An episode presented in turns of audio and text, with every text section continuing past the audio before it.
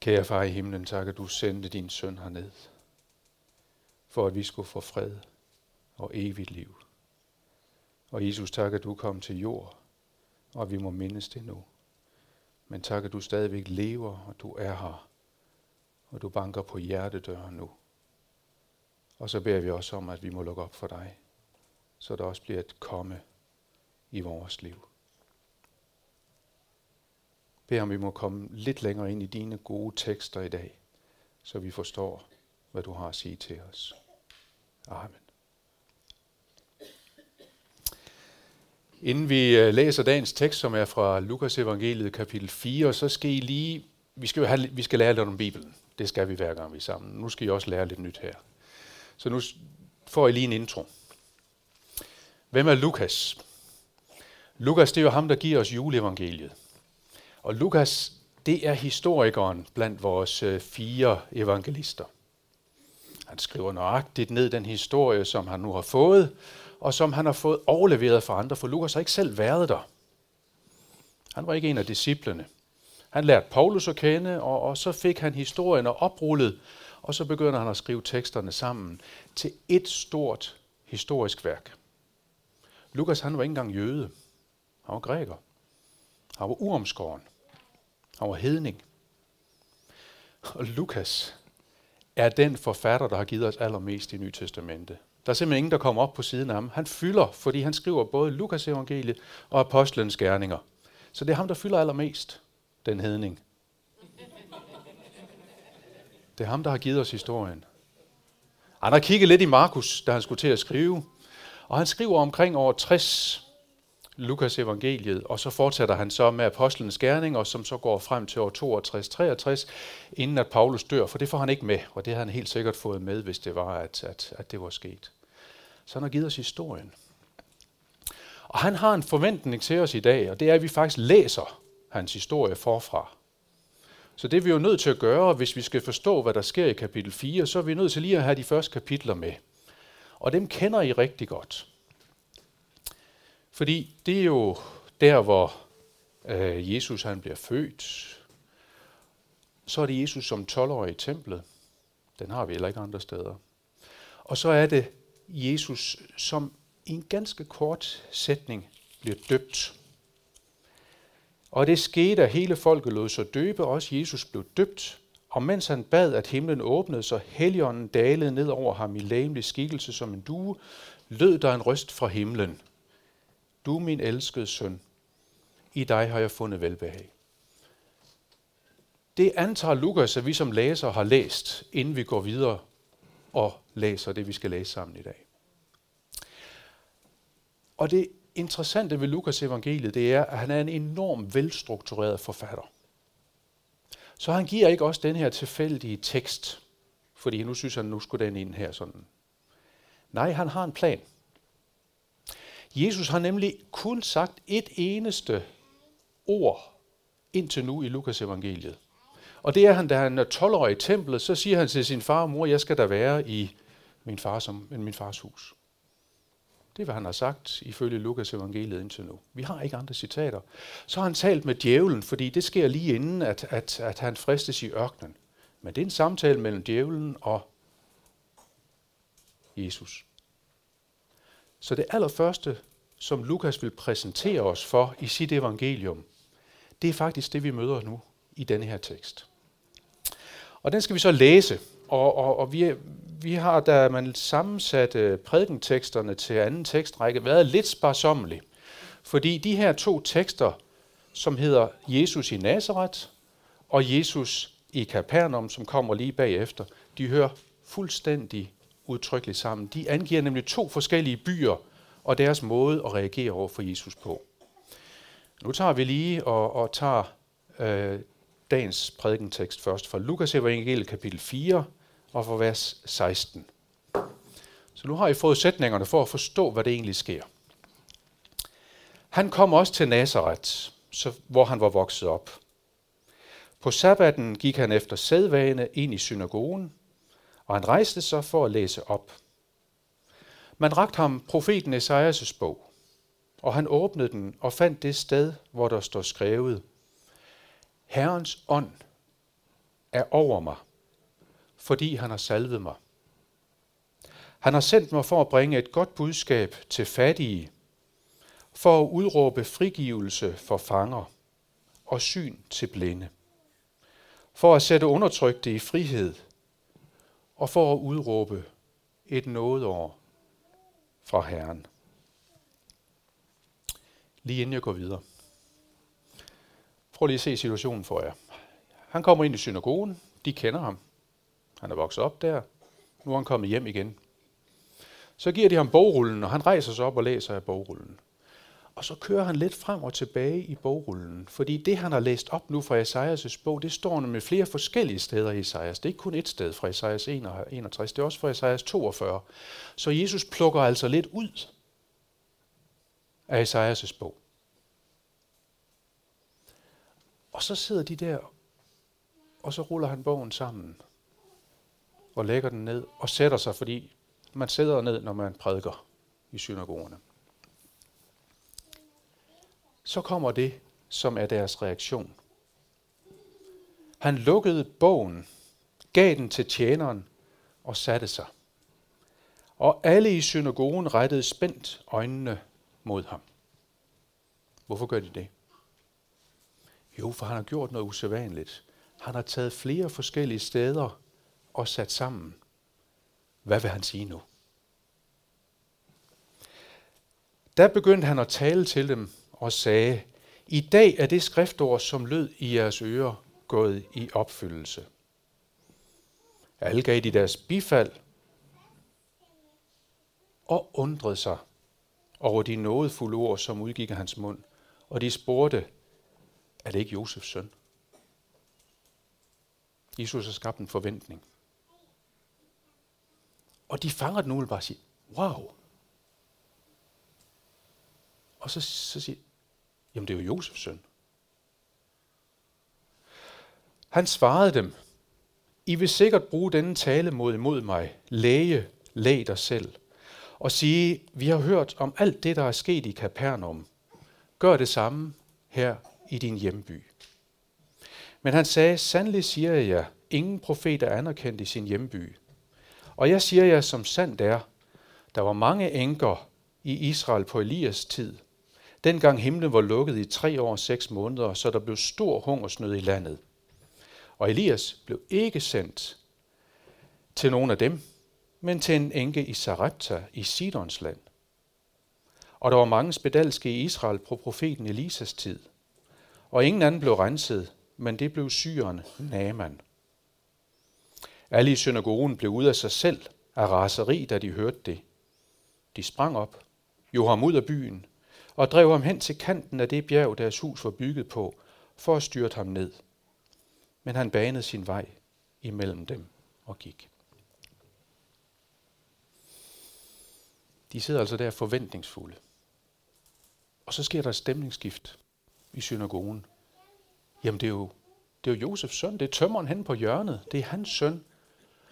Og nu begynder det at gå op for den, hvad det er, Jesus egentlig har sammensat af tekster fra Isaias' bog. For det, han har sagt allerførst, det er, Herrens ånd er over mig, og han har salvet mig. Jesus siger med andre ord, jeg er Guds søn.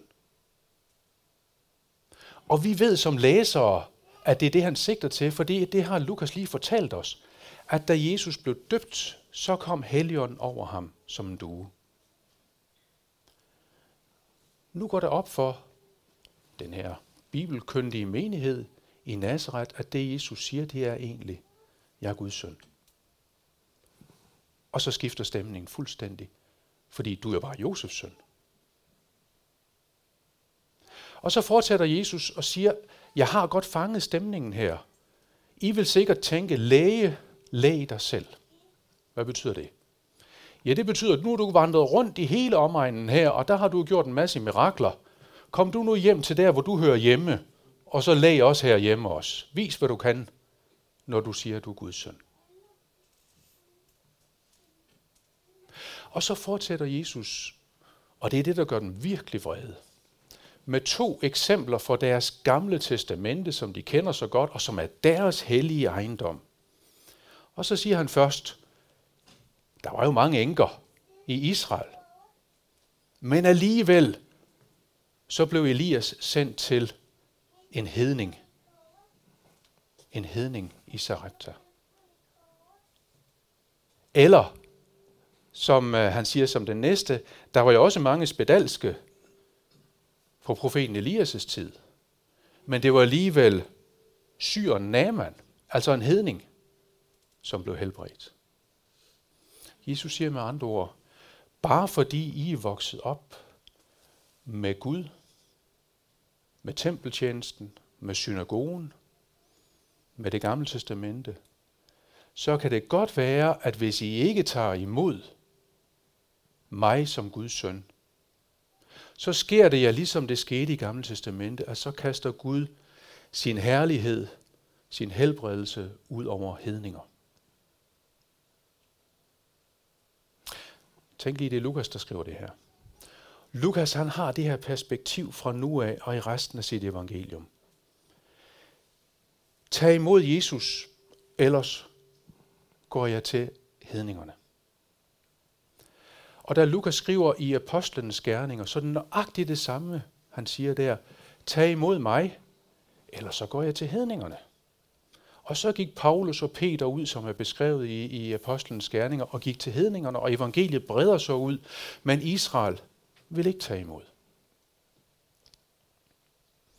Det er det, der sker i Nazareth. De vil ikke tage imod, fordi han var jo bare det, vi kendte i forvejen. Han var bare Guds, nej, øh, øh, øh, Josefs søn. Og derfor hænger den næste tekst, som jeg lige læser lidt af, så meget sammen med denne her tekst. For der står en fuldstændig parallel situation i Kapernaum. Jesus kom så ned til Kapernaum, en by i Galilea, 30 km i luftlinje fra Nazareth, ligger nede ved Genesrets sø. Og han underviser dem også på sabbaten. Altså nøjagtig samme situation som en uge før oppe i Nazareth. Og de blev slået af forundring over hans lærer, for der var myndighed bag hans ord. Og i synagogen, altså samme sted bare i Kapernaum, der var der en mand, som var besat af en uren dæmonisk ånd, som skriger højt, hvad har vi med dig at gøre, Jesus af Nazareth? Er du kommet for at ødelægge os? Jeg ved, hvem du er. Guds hellige. Og så fortsætter Jesus med en dæmonuddrivelse der i Kapernaum. To byer, samme situation. Den ene siger, du er bare Josefs søn. Den anden siger, du er Guds hellige. Og der, der sker underne. Der åbner hjerterne sig, og der tager folk imod Jesus. Det her er de allerførste ord fra Jesus i Lukas evangeliet. Men hermed lægger Lukas et spor igennem de to bøger, han skriver, som holder sig lige siden. Nogen tror på Jesus, andre tror ikke. Nogen siger, jamen det er jo bare det kendte. Andre siger, du er Guds hellige. Og hvis vi fortsatte det spor, så vil vi jo egentlig kunne forfølge det op igennem kirkehistorien. Hvordan man tager imod eller forkaster og siger, jamen det er jo bare mere af det sædvanlige. Og det spor kunne vi egentlig forfølge helt op i vores egen by i dag. Og måske i virkeligheden ind i vores egen menighed og sige, Nå, men det er jo bare mere det sædvanlige. Eller, det er jo Guds søn. Det er jo Jesus, min frelser, jeg møder.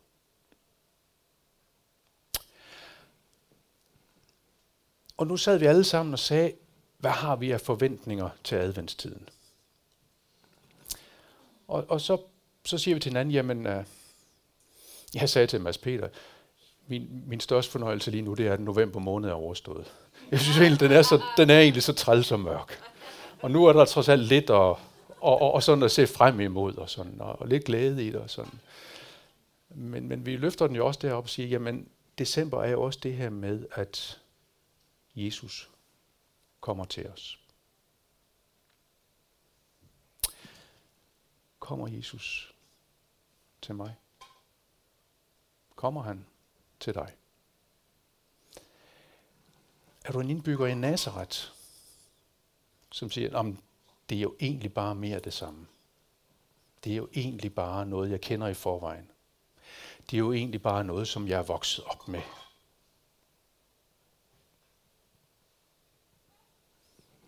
Eller er du en indbygger i Capernaum, som siger, Jesus, du er Guds hellige.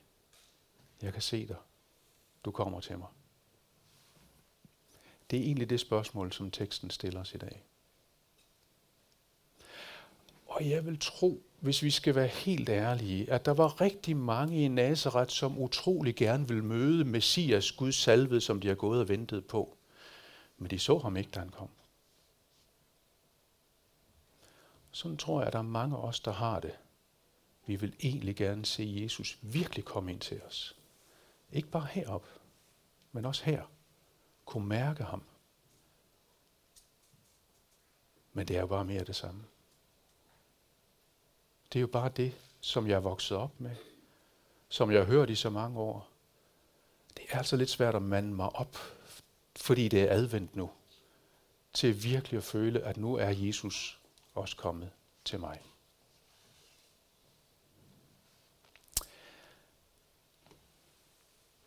Der har Jesus givet os en rigtig god tekst i dag. Fordi Jesus siger nu, hvem er det, jeg kommer til? Han tager nemlig Esajas teksten, sætter de centrale stykker sammen for os og viser os, hvem er det, jeg egentlig kommer til. Det første, han siger, det er, han har sendt mig til at bringe et godt budskab til fattige. Det er det første. Og hvis vi følger Isaiah, så ved vi godt, at de her fattige, det er folk, der er åndeligt fattige. Som ikke synes, at de har de store åndelige oplevelser. Som ikke synes, at de slår til som kristne. Salige er de fattige i ånden, for himmeriget er deres siger han et par kapitler længere om i bjergprædiken. Hvad vil det sige at være fattig i ånden? En fattig, det er en, der mangler alt. Når jeg ser på mit kristenliv, jeg er vokset op i kristen sammenhæng og har hørt det hele fra barns ben af, har også prøvet at have den fornemmelse, og har stadig den fornemmelse, at jeg synes faktisk ikke, det rører mig så meget mere. Jeg er fattig. Jeg har hørt det hele før. Jeg synes ikke, jeg har nogle følelser rigtigt at vise eller mærke. Jeg synes ikke rigtigt, jeg har noget anger at komme med. Måske har jeg lidt anger over, at jeg ikke længere kan angre. Jeg kender det hele. Jeg er jo fattig. Jesus, han kommer til den fattige. Det er det, han siger. Med et godt budskab. Så siger han næste efter, jeg kommer til fanger og udråber frigivelse. Er jeg en fange? Paulus han beskriver det her fantastisk godt i Romerbrevet kapitel 7. Der siger han, jeg elendige menneske, hvem skal udfri mig?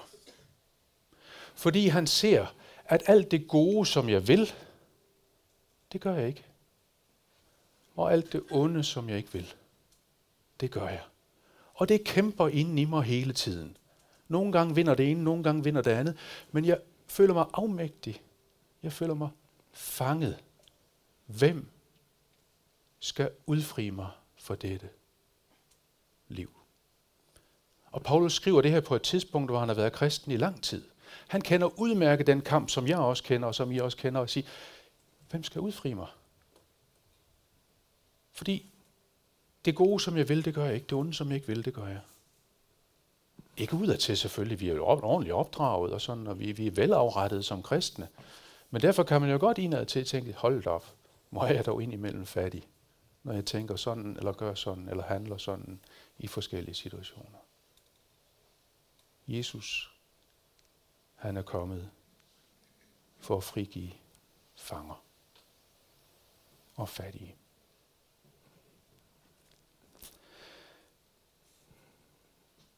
Så skriver, så skriver Esajas, som Jesus udlægger, jeg er kommet for at give syn til blinde. Er du blind?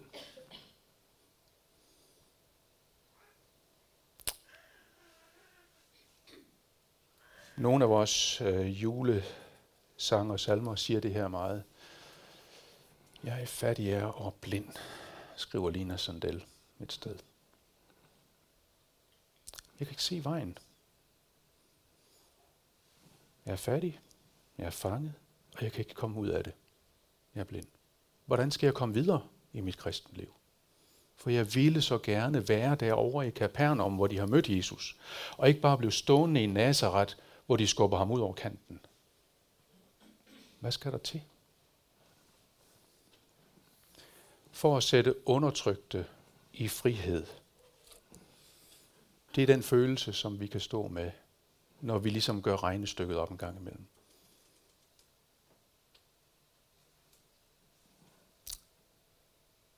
Udråbe et nådeår fra Herren. Det er det, Jesus er kommet for. Ja, hvis du kan genkende noget af det her, hvis du kan genkende noget af, at du er fattig, at du er undertrykt, at du er blind, at du er en fange, så dig Jesus er kommet til. Det er lige præcis dig. Det er den tekst, han bruger her og siger, nu skal du høre. Der er noget for dig. Der er noget og fred med mig for alt det, du ikke føler, alt det, du ikke angrer, alt det, du ikke kan se, alt det, du ikke kan komme ud af. Hvordan kan jeg tage imod det? Hvordan kan jeg få det til at blive, så jeg mærker, at det også er mit igen? Så det ikke bare sidder heroppe og siger, ja, det er nok sådan, det er.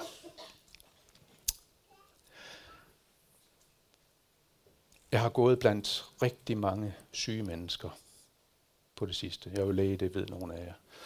Og, øh, og, og nu kører coronaen ind over os igen, og de mennesker, vi ser, de er syge. Jeg har også mødt nogle af dem, som havde en tro. Og jeg har fået den frimodighed, at jeg er som læge også sat til at have åndelig omsorg. Ikke bare fysisk eller psykisk eller social, men også åndelig omsorg for mine patienter.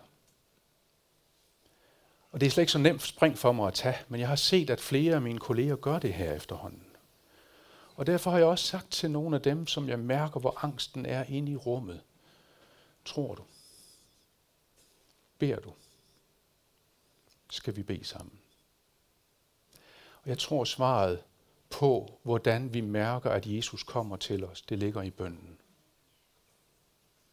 Det er der, det ligger. Men jeg er også nødt til at give noget, der er helt enkelt, for at man, når man er træt og mat og færdig, kan tage det til sig og bruge det. Og måske kan nogen af jer bruge det her også, jeg siger nu. Nemlig, at jeg kan bekende min kristne tro, sådan som vi gjorde lige før. Og jeg kan bede fader vor, og jeg kan velsigne mig selv. Og nu skal jeg fortælle hvordan det sker. Det hedder, jeg tror på Gud, min far, som er himlens og jordens skaber. Jeg tror på Jesus Kristus, min Herre, så kommer hele vejen ned. Jeg tror på Helligånden, min hellige almindelige kirke. Mit samfund med de hellige. Mine sønders forladelse mit køds opstandelse og mit evige liv. Det er det, jeg tror på. Det er det, jeg kan formulere, også når jeg er svag. Og så fortsætter jeg med samme tone, og så siger jeg ikke fader hvor, men min far. Du som er i himlen, helligt blive dit navn. komme dit rige. Ske din vilje i himlen og på jorden. Giv mig i dag mit daglige brød. Forlad mig min skyld, som jeg også forlader dem, der skylder mig noget. Og led mig, ikke ind i fristelse, men fri mig fra det onde. For dit er riget og magten og æren i evighed. Amen. Og så tager du den apostolske velsignelse og gør det samme med. Og så siger du, må så min Herres Jesu Kristi nåde, Guds, min fars fællesskab. Nej, hvordan, nu tager jeg den igen. Må så min Herres Jesu Kristi nåde, Guds, hjælp mig lige nu, Gud min fars kærlighed og min Helligånds fællesskab være med mig i dag. Amen. Kan I mærke, det gør en forskel? Jeg tror, at hvis vi gør det indviklet enkelt, og bruger det, som vi også har lært med for vores naseret, for vores barndom, for den opvækst, vi har, men bruger det på mig selv, så tror jeg, Jesus kommer. For det har han sagt, han vil. Og når jeg har stået i de situationer, hvor jeg har stået i og bedt de her enkle bønder sammen med syge mennesker, så takker de. Ikke mig, men Gud. Fordi Jesus, han kom. Og det er den måde, jeg tror, vi som er vokset op i Nazareth, hvor det hele kan blive så almindeligt, hvor vi kan føle os fangne og elendige og sådan, kan bevæge os over i Kapernaum, hvor vi siger, ja, Jesus er min herre. Det er ved at gøre de her enkle ting. Og siger, jeg beder til dig, Jesus, og du må høre og velsigne mig med de ord, du selv har givet mig.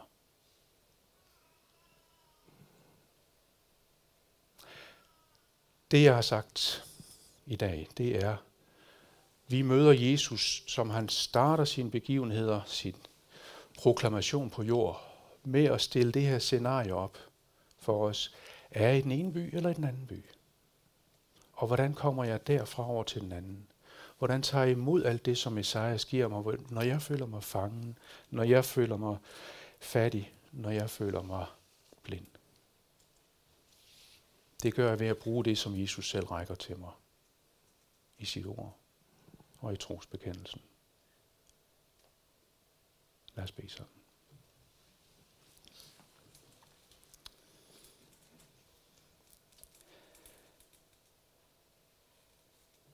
Jesus, tak, at du kom til jorden gang. Tak, at du er sendt for at bringe godt budskab til fattige. For at udråbe frigivelse for fanger. For at give syn til blinde. Og for at sætte undertrykte i frihed. Og Jesus, vi bekender for dig, at vi er nogen, der er fattige og fangne og blinde og undertrykte. Men tak, at vi alligevel må tage imod dig, sådan som vi er. Og vide, at du vil også komme til os, og du vil tilgive os, og du vil gå med os, og du vil give os din fred. Det beder vi også om, måske for os i dag. Amen.